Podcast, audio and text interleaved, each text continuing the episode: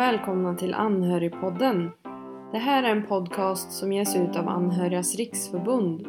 Du lyssnar nu på det första och inledande avsnittet och jag som kommer att leda er genom det här avsnittet heter Emma Aronsson. Med mig har jag förbundets ordförande Ann-Marie Högberg som kommer att berätta mer om Anhörigas Riksförbund. Kontaktuppgifter kommer jag att berätta mer om i slutet av det här avsnittet. Informationen finns även i skrift i anslutning till Anhörigpodden. Men först ska jag berätta mer om vem som egentligen är anhörig. Så fortsätt gärna att lyssna.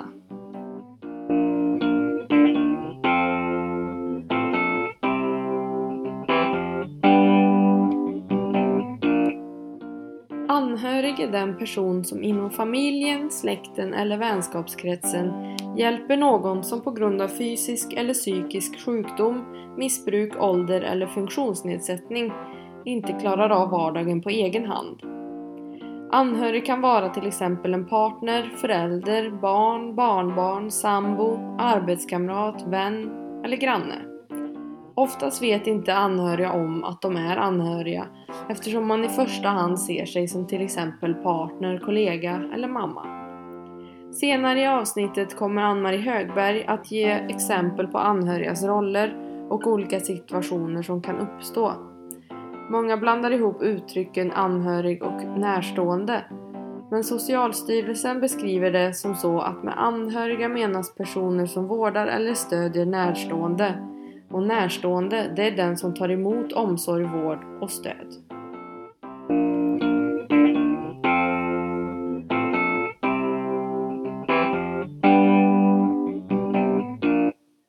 Hej Ann-Marie! Du får gärna presentera dig själv och berätta mer om ditt engagemang i förbundet. Ja, tack. Eh, jag heter alltså Ann-Marie Högberg och är eh, ordförande i Anhörigas riksförbund. Eh, och det har jag varit ungefär ett halvår. Jag valdes i april. Och jag tycker att det här är ett fantastiskt uppdrag därför att det är ett sånt meningsfullt förbund. Och för mig knyter det ihop ganska mycket erfarenheter jag har haft i livet. Jag är sjuksköterska från början, har arbetat inom olika delar utav vården. Och eh, sen har jag varit kommunalpolitiker i, eh, i många år. Eh, och bland annat haft ansvar för äldre och handikappfrågor som det hette på den tiden. Även om jag också haft en hel del andra uppdrag. Och det här tycker jag är då erfarenheter som jag kan bidra med i förbundet och det knyter ihop så att säga många av de frågor jag har sysslat med för jag har alltid tyckt att det här med, med vård och omsorg är, är viktigt och att anhöriga har en stor roll i det här. Kan du berätta för oss vad Anhörigas riksförbund är? Ja, det är ju en partipolitiskt och religiöst obunden förbund och vi vänder oss till alla anhöriga. På det sättet är vi ett unikt förbund. Eh, för det spelar ingen roll vad eh, den närstående har för, eh, för ålder eller sjukdom eller funktionsnedsättning eller så. Vi ser att likheterna är väldigt stora i alla fall. Man brottas med, med mycket samma problem.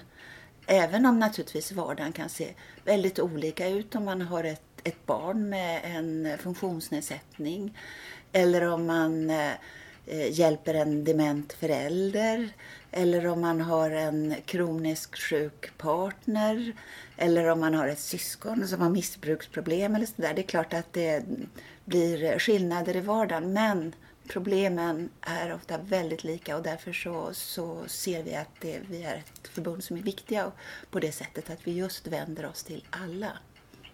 Men eh, vad gör Anhörigas riksförbund? Ja, vårt förbund har ju två huvuduppgifter skulle jag vilja säga. Och det första handlar om att vara eh, till stöd och, och, hjälp för anhöriga. Naturligtvis i första hand för våra medlemmar men också för eh, eh alla andra eh, anhöriga. Eh, och det andra är att eh, driva opinion för att förbättra villkoren. Eh, vilket ju behövs. Idag finns det 1,3 miljoner eh, anhöriga i Sverige som regelbundet eh, stöder eller hjälper en eh, närstående. Det är ju väldigt många eh, människor som är berörda av det här. Eh, och eh, man har räknat ut att eh, det här sparar faktiskt 177 miljarder varje år åt samhället. Det är ju väldigt mycket pengar. Och då kan man ju tycka att man faktiskt måste ha rätt att få lite grann tillbaks också som anhörig för det här. Och det finns mycket att göra skulle jag säga för att förbättra villkoren. Kan du berätta mer om hur Anhörigas riksförbund driver opinion? Ja, det, det kan jag göra. Vi eh, har ju naturligtvis försöker att få ut debattartiklar. Eh, det här är ju ett sätt också när vi har vår eh, Eh, poddradio. Vi har vår hemsida. Eh, vi är med på väldigt många olika eh, möten eh, kan jag säga. Vi eh, träffade Socialstyrelsen för ett tag sedan. Vi har träffat företrädare för regeringen. Det är också ett viktigt sätt att möta olika beslutsfattare för att, berätta om vad vi har för, för krav och vad vi ser behövs. så så det är några av de sätt vi, vi driver det här på. Hur stöttar Anhörigas riksförbund anhöriga? Ja, eh, man kan säga att väldigt mycket av eh, den här eh, direkta kontakten är ju våra lokalföreningar. Vi har eh, nästan 60 lokalföreningar eh, eh, runt om i Sverige. Och de flesta är medlemmar i en lokalförening. Det är liksom den vägen man kommer in. Även om det också finns medlemmar som eh, man kan vara medlem i förbundet utan att höra till en lokalförening. förening. Eh, och eh, det här, bara det här att få möta andra i samma situation som en själv är ofta en, en stor upplevelse faktiskt. En, en lättnad att det är någon som förstår. Många känner sig väldigt ensamma eh, Eh, och, eh, och utlämnade på olika sätt. Dessutom kan det vara så att eh, just detta att man vårdar så mycket gör att man har inte tid med så mycket annat socialt liv och man blir lite mer isolerad. Och då är det också så otroligt viktigt det här att kunna, kunna möta andra och få prata, dela erfarenheter, dela med sig av sina kunskaper, få tips från andra. Eh, så att det är väldigt mycket av den typen. Och också att få lov att göra saker för sin egen skull. Det är anhöriga ganska dåliga på. Eh, de tänker alltid på sin närstående först. Eh, men i föreningarna kan man också få man kan göra någon utflykt till exempel eller man kan eh, ha någon studiecirkel, eh, man kan ha föredrag och sådär. Du sa att det var cirka 60 anhörigföreningar i Sverige.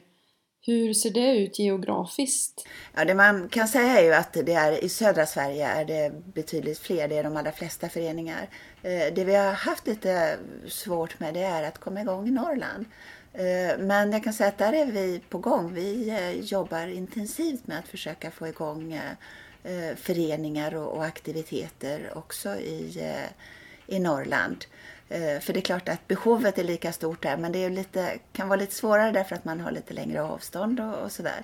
Så att eh, det behövs eh, lite extra smörjmedel för att komma igång och det håller vi på med. Men vi hoppas ju att vi ska också, om det är någon som lyssnar på det här och, och bor i Norrland, hör av er. för att vi är väldigt intresserade av att få igång ännu mer aktiviteter också i norra Sverige. Kan du berätta mer om förbundets andra verksamheter? Vad är anhöriglinjen till exempel? Ja, det är en eh, telefonlinje vi har som man eh, kan ringa då samma, samma nummer eh, varifrån i, landet som helst. Och få prata med, med en annan anhörig. För det är ideella medarbetare i huvudsak som svarar. Det finns också några ute på vårt kansli som hjälper till att svara på frågor. Och där kan man få, man kan få ställa frågor om allt möjligt och man kan få råd och tips eh, på till exempel vart man ska vända sig eh, med olika frågor. Det här är ju ofta jättesvårt. Eh, det finns faktiskt inget bra ställe för anhöriga att vända sig till. Och det är ju nästan, de anhöriga som jag pratar med brukar nästan säga att det värsta är alla de här kontakterna och veta vart man ska vända sig. Det kräver mer energi än vården och omsorgen i sig.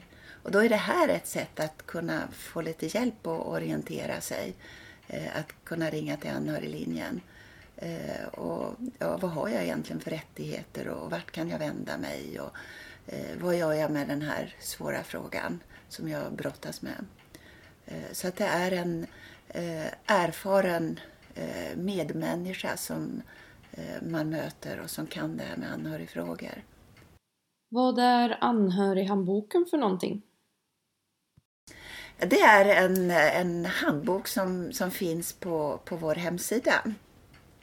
Och där man kan också få eh, råd och stöd och tips. Och man kan då hitta olika frågor som man tycker är eh, viktiga eh, för en och man kan få svar på, på frågor som man har. Det kan också där vara alltifrån vart man vänder sig med olika saker eller vad innebär, vad betyder det olika saker eller man kan få tips om föreläsningar som man kan och forskning eh, som finns. Så att det är ganska mycket stor bredd på den här eh, handboken med, med olika eh, svar på, på frågor man kan ha som, som anhöriga. Så att det ska vara liksom både, både lite praktiskt verktyg men också där man kan få lite, lite andra infallsvinklar på det här med, med anhöriga. Anhörigas riksförbund har ju också en tidning som heter Vi anhöriga. Kan du berätta lite mer om den? Eh, ja, den tidningen kommer ut eh, fyra gånger om året och den försöker vi att få ut ganska brett eh, till naturligtvis till våra medlemmar men vi vill också att andra ska få del av den. För i den här tidningen så berättar vi om olika saker som, har, som är angelägna för, för anhöriga. Vi kan naturligtvis berätta en del om vår egen verksamhet men också om vad, vad andra gör för, för anhöriga och att vi försöker att och se till att det finns en debatt kring olika frågor som, som berör anhöriga. Kan du berätta mer om anhörigriksdagen?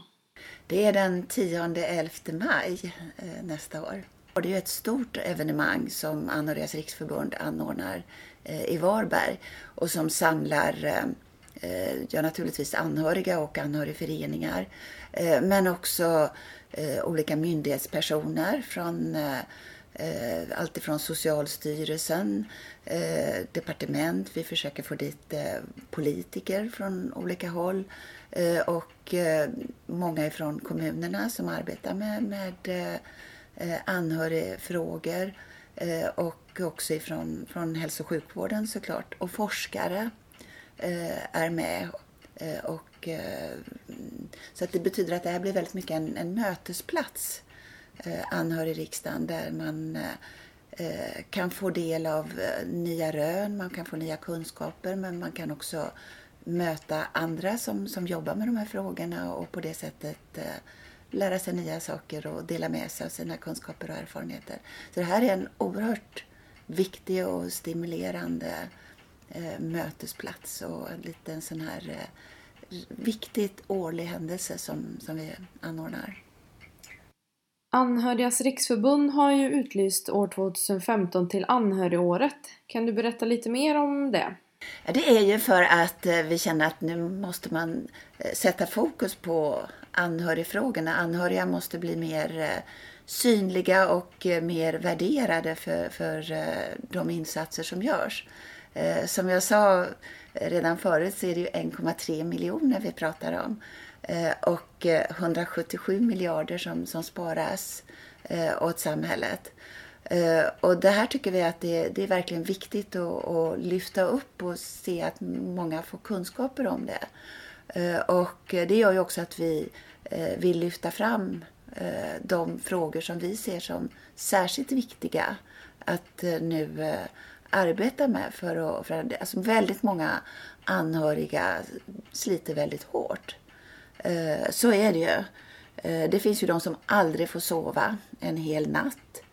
Eh, och det finns de som har ångest när de rusar till eh, affären för att de oroar sig över vad som händer där hemma med den närstående som är kvar. Och man eh, kan bollas mellan olika instanser när man försöker att få rätt hjälp för sina barn. Eh, många lever med stor oro för att pappa eller ett syskon eller någon annan närstående ska ta livet av sig. Eh, det är ju en stor fråga med psykisk ohälsa. Och en del som jagar mellan att hinna och städa hos eh, sin gamla mamma och skjutsa yngsta barnet till fotbollsträning och allt det här. Så det är ju väldigt slitsamt för många och därför så, så ser vi att vi måste eh, driva frågor och det är lite det här som vi vill. Eh, det är ju det här vi vill att eh, anhörigåret ska handla om. Eh, att anhöriga gör stora insatser men att de också måste få bättre villkor. I början av eh, oktober så var det nationella anhörigveckan och eh, den nationella anhörigdagen den 6 oktober. Då anordnade Anhörigas riksförbund en anhörigmanifestation på Sergels torg. Vad ville ni göra med den? Det, där ville vi verkligen lyfta fram det här. Eh, och eh, lyfte och pratade om de eh, här eh, intressepolitiska frågorna som vi driver, de som vi tycker är, är särskilt viktiga. Eh, och det är, för det första så handlar det om att kommunerna eh, måste bli bättre på att ge stöd till eh, anhöriga. De har en skyldighet enligt eh, socialtjänstlagen att göra det. Men man gör det väldigt olika eh, i kommunerna. Och Eh, i den mån man, man gör det så är det ofta väldigt riktat till äldre. Eh, vilket är jättebra, för det är ju en stor och viktig grupp som gör mm, oerhörda insatser. Men det räcker inte. För det finns ju så många andra grupper som också måste få stöd och hjälp. Inte minst eh, när vi pratar om den stora gruppen med, med psykisk ohälsa. Eh, barn. Eh, föräldrar som har barn och så vidare. Så att eh, man måste bredda sig mycket mer. Och man måste bli eh, mycket bättre på att fråga anhöriga. Vad behöver du för stöd? Istället för att tro att man kan ha bara några schablonpaket att erbjuda. Så det är eh, den första frågan som vi, vi verkligen eh, driver. Och det andra handlar om att också sjukvården, hälso och sjukvården eh, måste bli eh, bättre på att, eh, att se anhöriga och att se att de är eh, viktiga samarbetspartners. Eh, en del sköter det här naturligtvis väldigt bra men eh, andra är mm, nästan lite rädda för, för anhöriga och man gömmer sig lite bakom sekretessregler och, och så här. Och det här blir, blir inte bra. Eh, här skulle det nog behövas både attitydförändringar, eh, mer kunskap men också tydligare riktlinjer. Eh, att faktiskt man har en, en skyldighet att involvera anhöriga från sjukvårdens sida också. Och sen är det ju så att de allra flesta anhöriga är faktiskt inte äldre. Man kan ibland ha bilden av att anhöriga är kanske en äldre person som, som eh, sköter sin eh, ännu äldre partner. Eh, men, men så är det inte. De allra, allra flesta, nästan en miljon, är i arbetsför ålder och ska försöka att pussla ihop vården och, och hjälpen till en närstående med, med sitt arbete. 140 000 klarar inte riktigt det. De får gå ner i arbetstid eller till och med sluta helt. Det här är ju ett väldigt slöseri. Eh, och eh, därför så säger vi att också arbetsplatserna måste anpassas efter att det är så här.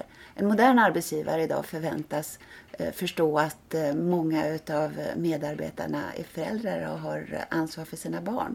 På samma sätt behöver man se att väldigt många människor faktiskt stöder och hjälper en närstående.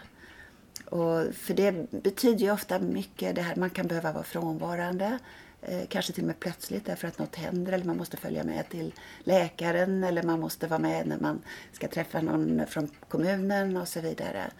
Eh, telefonsamtal eh, är ju vanligt. Eh, men om man får mer arbets eller anhörigvänliga arbetsplatser så är jag övertygad om att alla vinner på det. Det skulle vara bra också för arbetsgivarna för då eh, vet man som, som medarbetare att eh, när någonting händer så finns det förståelse för det. Eh, och då kan jag koncentrera mig på jobbet fullt ut eh, de andra tiderna. Så det här är en win-win situation. Eh, men det behövs eh, rätt mycket arbete för att nå fram till det här. Sen är det naturligtvis också så att eh, det här är ekonomiskt, eh, en ekonomisk belastning för anhöriga. Eh, om man går ner i arbetstid till exempel, man måste ta tjänstledigt utan lön och allt det här. Eh, och eh, det här, man borde ha möjlighet att få också ekonomisk ersättning. Eh, vi tycker att man borde ha eh, en ersättning för vård av eh, närstående eh, något liknande som vi idag har när det gäller eh, vård av, av barn. Eh, och det här måste påbörjas en diskussion om hur en sån här ersättning kan eh, se ut. Och det femte handlar om jämställdhet. Eh, det är så att det är fler kvinnor ändå som eh, eh, blir både utslitna och drabbas av de här ekonomiska svårigheterna. För det här det handlar inte bara om att man får gå ner i lön. Det är ju också så att eh, man får lägre pension. Eh, så det drabbar en hela livet. Och det här ser vi också att eh, kvinnor är mer utsatta för. Och ju tyngre och mer omfattande vård det är, desto större utsträckning är det kvinnor som eh, tar del av det här. Så därför måste också jämställdhetsfrågorna lyftas eh, när det gäller anhöriga. Och eh, till slut så undrar jag om man vill engagera sig eller bli medlem i Anhörigas riksförbund eller i en lokalförening. Hur gör jag då? Ja, träffar du någon representant för en lokalförening är det ju väldigt enkelt. Eh, då är det bara att man, man anmäler sig där. Men annars så kan man antingen gå in på, på vår hemsida och där kan man eh, anmäla sig. Man kan skicka ett mejl eller man kan ringa på telefon eh, och bli medlem. Och jag tror att man kan ha väldigt olika anledningar till att vilja gå med. Det kan vara precis som, som du säger för att man verkligen vill engagera sig och man känner att eh, jag har, eh, eh, jag har lust och tid och ork att göra det. För andra är det kanske inte så att man känner att man har så väldigt mycket tid och ork, då kan det också vara ändå viktigt att vara med för att man, man stödjer en, någonting som är, viktigt. Man stödjer arbete för att förbättra villkoren för anhöriga. Så det kan också vara en, en viktig anledning till att, att bli med. Och sen kan man som sagt få väldigt mycket trevlig gemenskap i en lokalförening om man vill det. Så det finns all anledning att, att, bli medlem tycker jag i det här förbundet och eh, vi hälsar alla anhöriga oavsett eh, vad den närstående har för eh, sjukdom eller ålder eller eh, funktionsnedsättning välkomna till oss. Verkligen.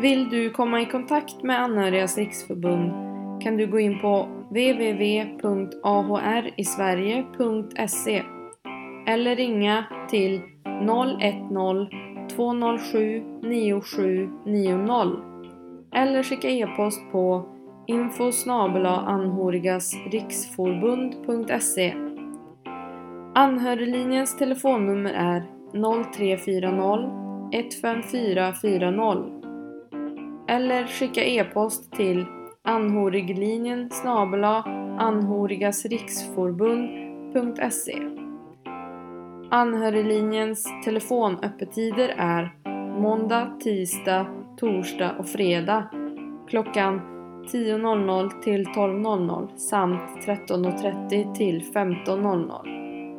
Anhöriglinjen är även öppen på onsdag kväll mellan klockan 19.00 och 21.00. Anhörighandboken når ni på www.anhorighandboken.se Nu vill jag tacka för mig, hoppas att ni har tyckt om den här podcasten och dela gärna med er till nära och kära om att den finns. Tack så mycket!